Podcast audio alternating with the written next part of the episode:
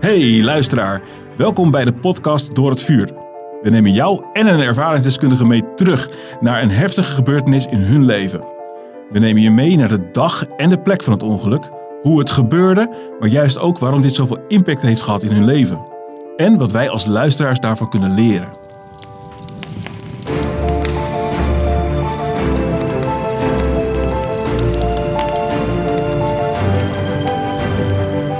Tegenover mij zit dit keer een hele bijzondere gast.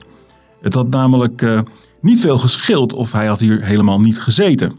Welkom uh, Ronald Breugem. Uh, je hebt echt een ernstig ongeluk meegemaakt uh, met jouw gezin, met vergiftiging. Vertel mij daar eens over. Ik zat op de bank voetbal te kijken. En mijn vrouw was al eerder naar bed gegaan omdat ze zich dus ziek voelde. Een griepje dachten wij.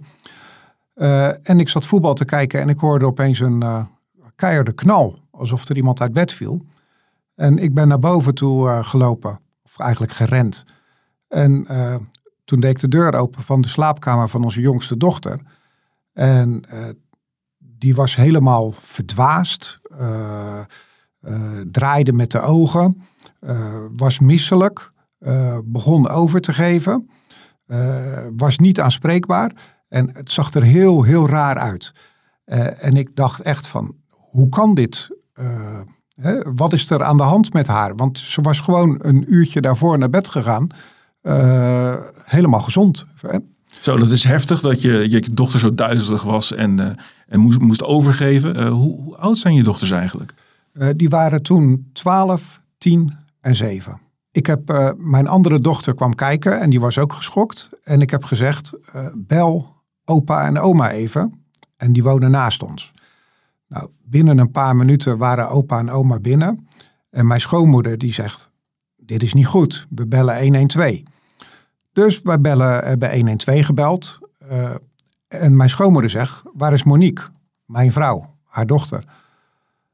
Ik zeg, die ligt nog te slapen hiernaast, want die is ziek naar bed gegaan. Nou, die gaan we wakker maken. En we lopen de kamer in en we proberen mijn vrouw wakker te maken. Maar we kregen haar niet wakker. En toen dacht ik helemaal van, wat is hier aan de hand?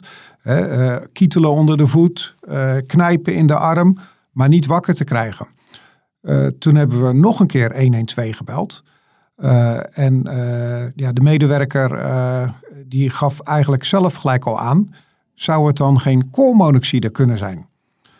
waarop ik zei, nou dat kan niet, want we hebben dit huis, dit huis is gloednieuw, dit hebben we net laten bouwen. Um, hij zegt, doe de ramen maar open. Zorg dat er heel veel zuurstof komt. En dat hebben wij gedaan. En uh, eigenlijk binnen een aantal minuten, binnen tien minuten, uh, was de ambulance aanwezig. Ik had de, de, oudste dochter had ik op de uitkijk gezet. Omdat wij op een dijk wonen. Uh, ergens ja, aan de rotte. ver weg van alles. Om ervoor te zorgen dat ze niet ons huis voorbij reden de jongste dochter die was nog op de kamer. Uh, de middelste dochter die was boven en die heeft dus eigenlijk alles gezien. Dat mijn uh, vrouw niet wakker werd. Uh, die viel ook op een gegeven moment flauw. En toen dacht ik echt, wat voor virus heerst er hier in dit huis? Viel je dochter flauw? Uh, die viel uh, flauw uh, toen mijn schoonouders bij mijn jongste dochter waren. Viel ze flauw. Waarschijnlijk al door te veel koolmonoxide percentage in haar bloed. Zo, en toen kwam die ambulance aan. Die werd gestopt door je dochter. en die mensen die komen naar binnen. Ja, die komen naar binnen en die hebben dus een CO-melder op hun uitrusting. En die ging gelijk af. En die zeiden, jongens, jullie moeten allemaal naar beneden. Waarop ik zei, ja, maar mijn vrouw ligt nog boven. Uh, normaal gesproken moeten ze dan wachten op de brandweer. Hè? Die komen dan met perslucht uh, naar binnen uh, om mijn vrouw te halen. Maar ze waren ja, heel moedig en ze zijn naar boven gerend. En ze hebben haar eigenlijk de trap afgesleept en in de hal beneden gelegd. waar bij de open deur, waar dus gewoon ventilatie was. Dat was natuurlijk levensgevaarlijk, maar ze, ja, ze hebben wel je vrouw gered. Absoluut, absoluut. Daar ben ik ze ook zeer dankbaar voor. Zo, je, vrouw is dus naar beneden gesleurd over de trap heen. Uh, ze was niet meer bij bewustzijn. Uh, er kwam ook een traumateam. Uh, die hebben er toen geïncubeerd, zuurstof gegeven. de jongste dochter werd in de ambulance gezet. Die kreeg ook zuurstof. de twee andere dochters die zijn ook samen in een ambulance gegaan en hebben ook zuurstof gekregen. Ik heb zelf bij mijn vrouw staan kijken van hoe het ging en gevraagd hoe het ging. En toen werd er gezegd van meneer, gaat u alstublieft even weg. Wat logisch is, hè? die mensen moesten de werk doen. Alleen je zit helemaal vol met emotie. Ik zag dat het gelukkig met mijn kinderen al een stuk beter ging. Eh, die hadden niet zoveel koolmonoxide percentage in de bloed als mijn vrouw. En die waren weer gewoon heel snel bewust. En je zag gewoon dat het daar goed mee ging. Maar met mijn vrouw was het een heel ander verhaal. die is toen afgevoerd met de ambulance naar het Erasmus in Rotterdam. Um, en ik ben daar een half uur later met een andere ambulance naartoe gegaan. En ik kan je zeggen, op het moment als je dan alleen in de ambulance zit en je hebt dat meegemaakt en je weet niet hoe het gaat met je vrouw, dan voel je je heel eenzaam en heel slecht en heel nietig. Je kwam aan het ziekenhuis en uh, kon je ook, ook gelijk naar je vrouw toe? Ik werd behandeld in dezelfde traumakamer als mijn vrouw. Ik kreeg zuurstof voor een kwartier. En er werd bloedwaarde gemeten, waaruit al snel bleek dat het bij mij eigenlijk allemaal goed zat. Dan zie je je vrouw daar liggen, bewusteloos, slang in de mond. en dan vraag je aan die artsen wat ze denken, hoe het met haar gaat. En dat kunnen ze eigenlijk niet zeggen. En mijn vrouw is denk ik een uur behandeld bij dus de eerste hulp, de traumaafdeling. Je, je voelde je al nietig en je kreeg de informatie niet en ze mochten niks zeggen. Uh, hoe beleefde je dat moment? Nou, heel angstig, heel angstig. Ja, je hebt gewoon gevoel dat alles onder je vandaan uh, wordt gehaald. Hè. Je, ja, je vrouw kan dood zijn. Ze zou een kastplantje kunnen worden. je weet het op dat moment allemaal niet. Ja, mijn kinderen die zijn afgevoerd. Twee naar het Sint Franciscus. En de jongste naar Capelle. Er waren mijn ouders bij. Daar ging het al vrij snel heel goed mee. dat kreeg ik wel door, gelukkig. Maar het was wel apart dat ze ook allemaal naar verschillende ziekenhuizen ging. Maar dat kwam gewoon vanwege ja, de grootte van het ongeval. En, en wat goed dat, dat, dat je al op de hoogte werd gesteld. Ja, gelukkig wel. Dat was een uh, zorg minder. Dus we hadden op dat moment nog maar één zorg. En dat was mijn vrouw. En uh, die werd verplaatst naar de, de intensive care. Uh, dat was denk ik om een uur of elf s s'avonds. Um, en eigenlijk de hele nacht leef je tussen. Ja, maar waar, waar was jij dan die nacht? Want je was in het ziekenhuis. lag je ook in een bed? Of, of was je helemaal niet meer om behandeling? Was, was, het, was je gewoon genezen? Ik was genezen, dus ik heb heel de nacht eigenlijk op de intensive care doorgebracht en kijken of ze ging reageren. Op een gegeven moment zei de arts van we stoppen nu met de medicatie, dus ze moet bij gaan komen. Alleen je weet niet of ze na een half uur bijkomt, na een uur, na drie uur. Dus dat is wachten, wachten, wachten. En eigenlijk wachten, ja, wat ga ik aantreffen? En dat was wel de, eigenlijk de aller, allerspannendste moment uit mijn hele leven. Dus ze werd eigenlijk tegen een uur of zes morgens, hoorde je er heel licht mompelen. En ik dacht dat ze toen zei van, ik ben er helemaal klaar mee. Omdat ze natuurlijk die slang achter in de uh, keel had. Uh, en toen werd ze iets bewuster van de situatie. Ze begreep helemaal niet wat er was gebeurd. En, en het was eigenlijk ja, iemand die uit een uh, narcose zeg maar, ontwaakt. Hè. Is heel uh, suf, weet niet wat er is gebeurd. Want dat wist ze natuurlijk ook niet. Want maar zij ze was wel wakker. Nou, toen was ze nog niet helemaal wakker. Dat is echt pas negen uur s morgens gebeurd. Dat ze er echt bewust van was. En, en eigenlijk pas tegen de middag dat ze de eerste vragen kon stellen van wat is er met me gebeurd. En dat we konden uitleggen van je hebt een koolmonoxidevergiftiging uh, ondergaan. En uh, uh, je bent afgevoerd in coma naar het ziekenhuis. Maar jullie zijn wel langs een heel dun randje gegaan. wat, wat hebben die artsen ervan gezegd? Wat was de kans op, op overleven met zo'n heftige koolmonoxidevergiftiging dan? Um, de waardes van mijn vrouw is dat ze 33% koolmonoxide in haar bloed had. En boven de 20% is levensgevaarlijk. Uh, mijn vrouw die sport heel veel, heel veel hardlopen deze. Dat heeft eigenlijk haar leven gered.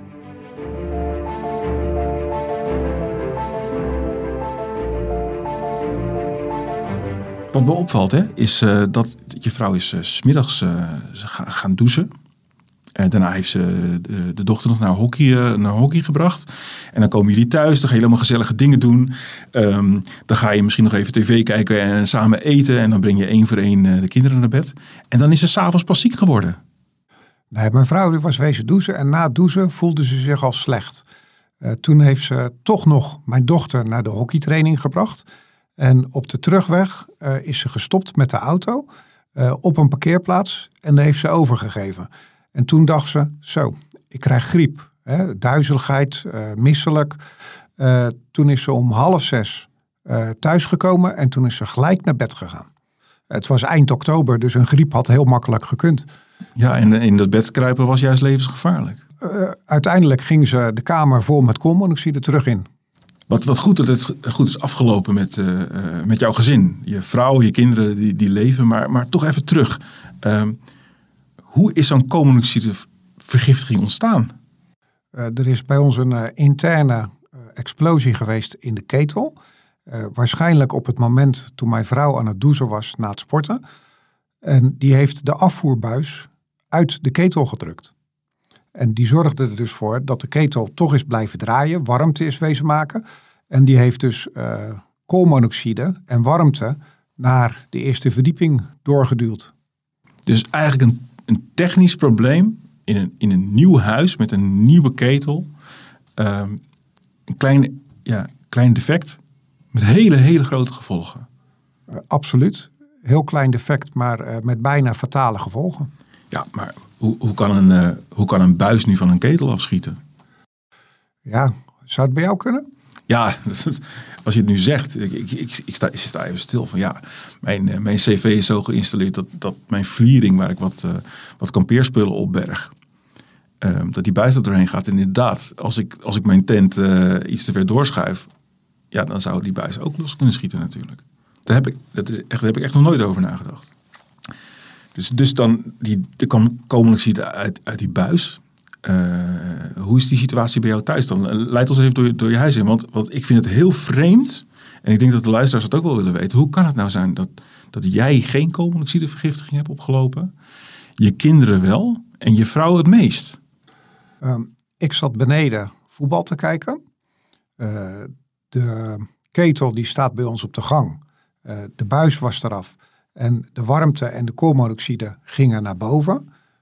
Vlak naast de slaapkamer van mijn vrouw. Uh, daarnaast de slaapkamer van onze jongste dochter, die dus ook het meeste koolmonoxide in de bloed had. En daarbuiten zitten nog twee slaapkamers van mijn andere twee dochters, die het minste hadden. Plus die gingen ook het laatste naar bed toe. Ja, dus, dus jij was beneden en koolmonoxide die steeg door die warme lucht. Uh, dus, dus gelukkig had jij het minste in, in je bloed. En dan mag je toch wel van geluk spreken dat, ja, heel raar gezegd, maar dat je dochter ehm, uit het bed viel. absoluut. Als mijn dochter niet uit haar bed had gevallen, dan hadden we hele andere scenario's kunnen verzinnen. Jullie hebben het gelukkig overleefd. Maar kan je iets vertellen hoe, hoe koolmonoxidevergiftiging werkt? Want dat hebben ze jullie natuurlijk uitgelegd. Koolmonoxide zorgt ervoor dat er op je bloedplaatje geen zuurstof kan. Dus uiteindelijk, eh, hoe meer koolmonoxide in je lichaam, hoe minder zuurstof je kan opnemen. Uh, met eigenlijk een verstikkingsdood tot gevolg. Dus als, je, als ik het goed herhaal, uh, je zuurstof in je bloed wordt minder en dat wordt verplaatst met koolmonoxide. Klopt helemaal. Dus je ademt koolmonoxide, er komt koolmonoxide in je longen en daar kan je niet op leven. Nee. En dat is die koolmonoxidevergiftiging. Ja. En hoe lang blijft het dan in je bloed? Want je vrouw is, is uit het ziekenhuis gegaan. Moest ze revalideren of was ze gelijk weer aan het hardlopen? Nee, kijk, uh, ze moest wel revalideren. Uh, een aantal weken heel rustig aandoen. Uh, omdat ze natuurlijk in coma heeft gelegen. Maar de koolmonoxide zelf gaat wel vrij snel uit je lichaam. Oh, dat is, dat is goed om te horen. Ja.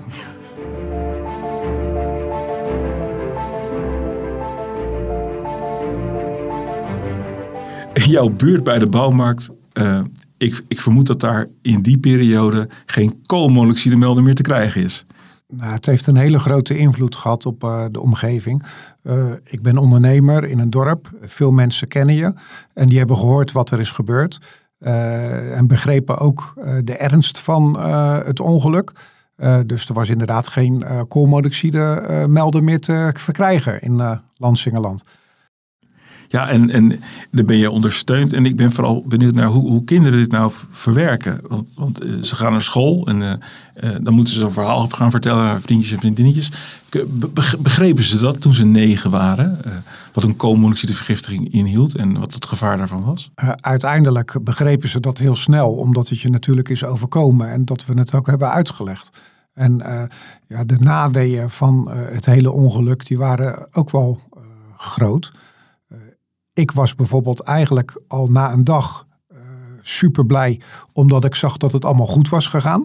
En dacht niet na over het uh, mentale van uh, vrouw en kinderen. onze middelste dochter, die heel veel gezien heeft die avond van het ongeluk, die heeft uiteindelijk EMDR-therapie gehad. mijn vrouw ook, die hebben ook EMDR-therapie gehad. dus uiteindelijk kreeg het nog wel een heel lang staartje. Ja, want dit is, dit is dit is zo heftig. Uh, en de mensen die hier naar luisteren, maar, maar ik ook. Dit is zo heftig, want je hebt eigenlijk op één avond door, door een stomme, stom iets technisch, uh, bijna je hele gezin uh, verloren. En die moesten revalideren. Ja, dan kan je niet zomaar doorgaan met je leven. Nee, uiteindelijk niet. het was inderdaad gewoon heel, heel heftig wat er gebeurde die avond. bijvoorbeeld als mijn kinderen gingen logeren, hebben ze nog een hele lange tijd een CO-melder meegenomen. Uh, nu gaat het uh, heel goed. Gelukkig, uh, die meiden zijn 16, 14 en 11. het zijn lekkere pubers. vrouw is gezond, sport weer veel, veel hardlopen. en wij hebben er gelukkig geen blijvende schade van ondervonden. Nou, we hebben allemaal in de krant kunnen lezen dat er van, vanaf 1 april een nieuwe wet komt. Die, uh, die zorgt ervoor dat uh, uh, CV-installateurs gecertificeerd moeten zijn om een ketel te plaatsen. En dat is speciaal bedoeld om CO-veilig te zijn. Ze hebben ook een logo ontwikkeld, CO-veilig. Dus die installateurs die mogen periodiek een, een, ketel onderhouden. Die mogen een, een, een ketel installeren, maar de rest eigenlijk niet. Dus samengevat, wat vind je ervan dat je nu eigenlijk in Nederland alleen maar getrainde en gecertificeerde installateurs hebt die een eh, ketel mogen, mogen plaatsen. Ik vind dat heel goed, absoluut. Als je ziet hoe gevaarlijk het kan zijn als het niet goed gaat en wat de gevolgen kunnen zijn, is het heel goed dat ook juist die mensen getraind worden. Uh, om ervoor te zorgen dat wat wij hebben meegemaakt niet een ander gezin zal overkomen. Ja, en voor de luisteraars, wat kan je zelf doen? een CO-melder ophangen. Of Meerdere. Nou, ik heb er al een paar geplaatst en ik denk dat de mensen die naar deze podcast hebben geluisterd, zeker naar de bouwmarkt rennen en een CO-melder uh, uh, kopen. Uh, en ik hoop dat die mensen veilig zijn. Bedankt Ronald voor het delen van jouw ervaring met onze luisteraars, maar ook zeker voor je openheid. Mens, wat heb jij meegemaakt? Als afsluiting van deze podcast wil ik je graag vragen, wat wil je ons nou nog meegeven? Heel simpel. Plaats een koolmonoxide melder in je huis of acht. Ronald, ik vond jouw verhaal en het verhaal van jouw gezin zo indrukwekkend dat volgende keer, volgende week, uh, vraag ik Peter Schuurmans van de brandweer om zijn perspectief uh, te geven over koolmonoxide en, en vooral over, over wat jij hebt meegemaakt. En uh, voor de luisteraars, heb je vragen, opmerkingen of tips? Laat het ons gerust weten. En vergeet ons vooral niet te volgen op de socials, zodat je de volgende aflevering niet mist.